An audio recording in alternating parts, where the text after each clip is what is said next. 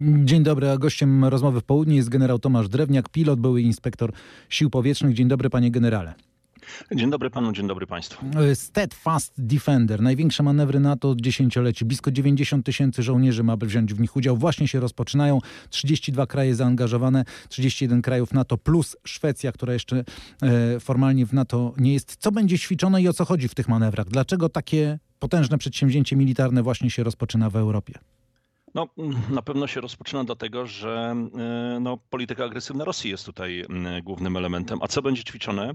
Będą ćwiczone procedury e, przemieszczania wojsk, bo pamiętajmy, że NATO to nie jest jednolita armia. NATO nie posiada swojej armii. NATO jest e, takim patchworkiem armii wszystkich krajów sojuszniczych i teraz tak naprawdę trzeba sprawdzić, czy te wszystkie deklaracje, które są składane przez państwa, czy wydawane pieniądze z budżetów obronnych, one gdzieś na końcu dają efekt synergii i to będzie ćwiczone. Przemieszczanie wojsk amerykańskich z kontynentu amerykańskiego do Europy, przemieszczanie wojsk brytyjskich, na przykład 20 tysięcy żołnierzy brytyjskich będzie udział brało w tym ćwiczeniu, 15 tysięcy polskich, 10 tysięcy niemieckich. Także to będzie narastające ćwiczenie składające się z kilkunastu epizodów. Najpierw e, takich sztabowych, a potem live, czyli takich, e, gdzie żołnierze będą już na poligonach. Dlatego ten czas jest taki długi e, i będzie to jasno pokazywało, do czego jest zdolne NATO, do jak szybko jest w stanie przebazować żołnierzy, jak szybko jest w stanie zareagować w sytuacjach kryzysowych i będzie to jasny sygnał dla wszystkich obserwujących,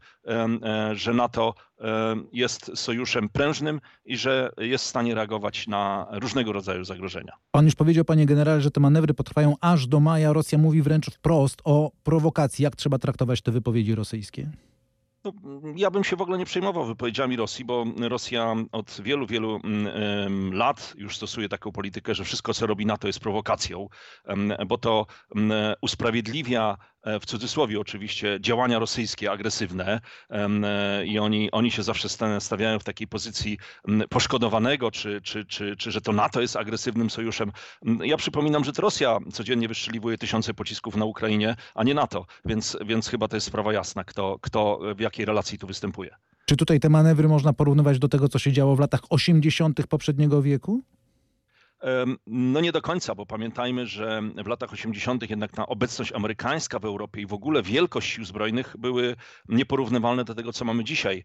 E, więc e, to jest trochę inaczej, ale idea jest też podobna, czyli wojska amerykańskie e, przerzucają się do Europy, wojska krajów NATO są przesuwane w kierunku miejsc potencjalnych konfliktów, czyli to ćwiczenie zakończy się, jak wszyscy wiemy, w krajach bałtyckich, Polsce, Bułgarii i Rumunii, czyli w takim tym wschodniej flance NATO. Mm, jeszcze do tego jest Finlandia, no i Szwecja, która jest już w przedsionku NATO w zasadzie i tylko formalności zostały, żeby spełnić. Też będzie ćwiczył, właśnie Szwecja i Finlandia, nowe kraje w NATO będą mm, też oćwiczane, czy te wszystkie procedury, które oni mają są kompatybilne z NATO, czy to wszystko działa tak jak powinno. Bo tak jak powiedziałem, pamiętajmy, że jest to ogromny mechanizm. 31 krajów dziś w NATO, 32 czeka i każdy ma jakieś wewnętrzne własne procedury, każdy ma jakieś wewnętrzne przepisy i to wszystko, ten cały mechanizm złożony z dziesiątków kółek zębatych trzeba wprawić w ruch. Generał Tomasz Drewniak, pilot, był inspektor sił powietrznych, jest gościem rozmowy w południe. Dziękujemy słuchaczom RMF FM. Zapraszamy do naszego radia internetowego RMF24. Panie generale, gdy czytam i słyszę takie wypowiedzi polityków, polityków, którzy y, kierują resortami obrony, na przykład ministra obrony Niemiec Borisa Pistoriusa, który w weekendowej rozmowie z dziennikiem Tagesspiegel mówi, że w Europie mamy do czynienia z sytuacją zagrożenia militarnego, która nie istniała od 30 lat. Brytyjski z kolei minister obrony Grant Sharp mówi, że Wielka Brytania i jej sojusznicy powinni się przygotować na ewentualny globalny konflikt, a może do niego dojść za 5 lat z udziałem Rosji, Chin, Iranu i Korei Północnej. To mówią politycy. A co myślą wojskowi? Yy, uważają, że pa, pańskim zdaniem to są wypowiedzi na wyrost, to są wypowiedzi niepotrzebnie szerzące niepokój, czy to są wypowiedzi, które, które trafnie diagnozują sytuację, z jaką mamy w tej chwili do czynienia? No, pamiętajmy, że mówią to politycy. E, oni e, mm, diagnozują pewną sytuację, ale też e, pamiętajmy, jacy politycy. Mówią to politycy w Niemczech, gdzie ludzie przez ostatnie 30 lat w ogóle nie chcieli słyszeć o budżecie obronnym i ten budżet obronny Niemiec był jakiś tam na poziomie, nie wiem, już 1% PKB. W Wielkiej Brytanii, gdzie ostatnimi laty zredukowano bardzo poważnie siły zbrojne Wielkiej Brytanii, mówią to politycy, którzy chcą przekazać jasną wiadomość do społeczeństwa. Nie może być tak dalej, że E, nie będziemy wydawali pieniędzy na własną obronę, nie będziemy dbali o własną obronę i sojuszniczą, bo e, są realne zagrożenia. Dotychczas przez ostatnie 30 lat tych realnych zagrożeń nie było. Mieliśmy różne konflikty lokalne, Jugosławia, ale tak naprawdę e, mocarstwo, no bo Rosja jest jakimś tam mocarstwem, nie, nie przystawiło drugiej stronie karabinu do głowy. Dzisiaj tak się dzieje i, i to zmienia całkowicie realia polityczne w Europie. I ci politycy tak naprawdę mówią to do, do swojej swojego, do swoich ludzi w danych krajach musimy zacisnąć pasa, musimy zwiększyć wydatki na obronę, musimy poważnie traktować nasze bezpieczeństwo. Czyli oni mówią, jeżeli ja dobrze pana zrozumiałem, mówią dokładnie to, co już dawno wiedzą wszyscy generałowie. Dokładnie tak, dokładnie tak. My e, z tym, że no, powiem tak, generał w mundurze nie może wystąpić i, i, e, i mówić do społeczeństwa, że, że potrzebuje więcej pieniędzy, bo będzie to trochę, trochę źle brzmieć. Politycy są właśnie od tego, żeby być tą e, taką przekaźnikiem informacyjnym tego, co w sztabach wojskowych powstaje i w sposób klarowny dla całego społeczeństwa przekazać to, to pozostałej, całemu społeczeństwu. I, i, to jest, i, to jest, I to jest dobrze, że tak się dzieje, bo bo pamiętajmy, że Niemcy, potęga gospodarcza, Wielka Brytania, kolejny e, potężny kraj, e, to, to, to, to od nich też zależy siła NATO. Bo, bo, bo jeżeli te kraje będą słabe, to, to automatycznie NATO e, będzie, będzie słabsze. Panie generale, wojna na Ukrainie rozstrzygnie się pańskim zdaniem w fabrykach amunicji czy na ukraińskim niebie? Wydaje mi się, że może się rozstrzygnąć przy zielonym stoliku, czyli przy e, tak naprawdę mówimy o politykach i to politycy mogą rozstrzygnąć o tym, jak się zakończy wojna na Ukrainie, bo, bo fabryki produkują amunicję oczywiście, e, zwiększają produkcję, ale ona jest niedostateczna. Ilość niebo też jest oczywiście ważne, ale pamiętajmy, że ilość samolotów, która gdzieś została obiecana Ukrainie, to są dziesiątki na samym początku, a może nawet pojedyncze sztuki, więc one nie będą miały takiego globalnego realnego wpływu na cały front, więc myślę, że zanim się to wszystko wydarzy, to może się wydarzyć e, e, rozmowy pokojowe, o których zresztą się już mówi. Już nawet Ukraina powiedziała, że jest możliwość przystąpienia do rozmów pokojowych czy, czy do rozejmu.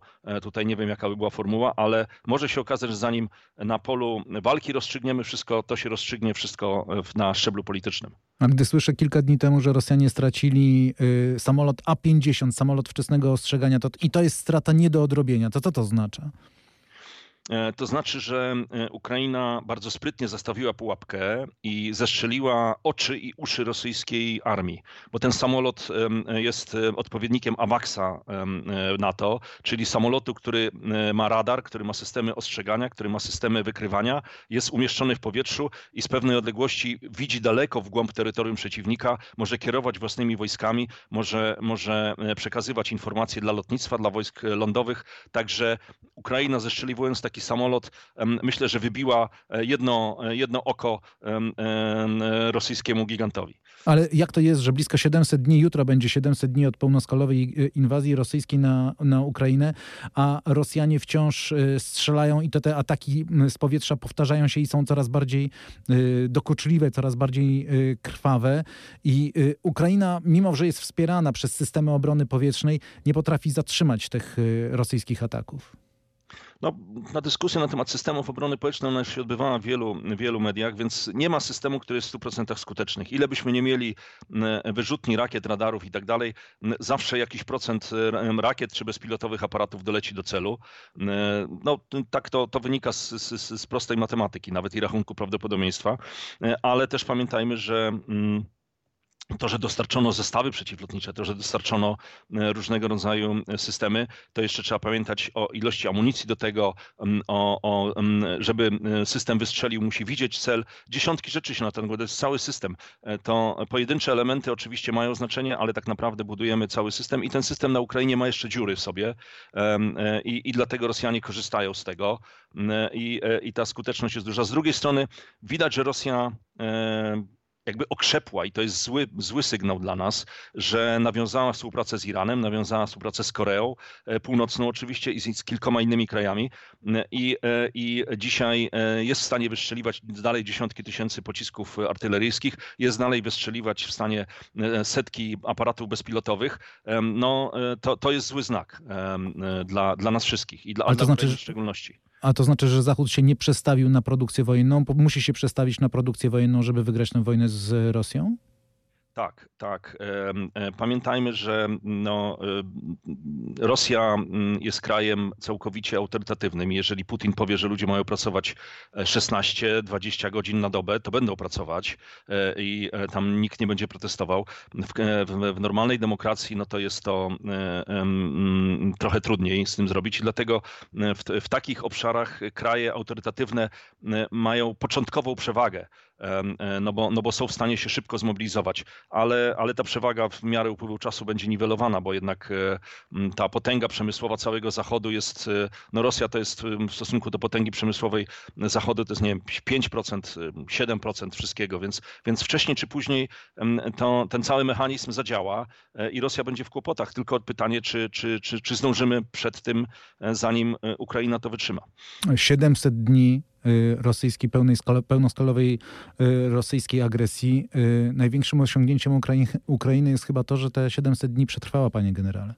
Tak, to jest, to jest ogromny szacunek dla całego narodu ukraińskiego, dla przywódców, dla ludzi, dla żołnierzy i dla tych wszystkich ludzi, którzy cierpią normalnie e, w ciągu tych ataków, giną ich bliscy, rodziny. To jest przerażające, ale ogromny szacunek dla nich. E, I to pokazuje dzisiaj, jak, jak się zmieniły e, doktryny wojenne, jak się zmienił obraz wojny. My byliśmy przyzwyczajeni do wojny błyskawicznej. Wojna w Iraku trwa kilka dni, wojna w Jugosławii miesiąc, półtora i, i, i, było, i było po wszystkim. Oczywiście ja mówię o tym uderzeniu NATO, nie mówię o całej e, sytuacji, jaka była w Jugosławii.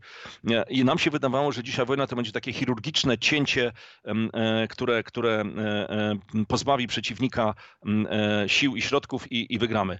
Już Afganistan pokazał, że tak nie jest, a dzisiaj wojna pełnoskalowa Rosja-Ukraina pokazuje, że musimy bardzo mocno zmienić swój pogląd na, na wojnę, na to, jak ona wygląda i na przygotowanie się do tej wojny. Bo proszę zobaczyć, że dzisiaj tak naprawdę wygrywają zasoby, które kraje zgromadziły lub są w stanie otrzymać od sojuszników. To jest dzisiaj kluczowym elementem w tej wojnie, a nie początkowa ilość czołgów czy, czy żołnierzy.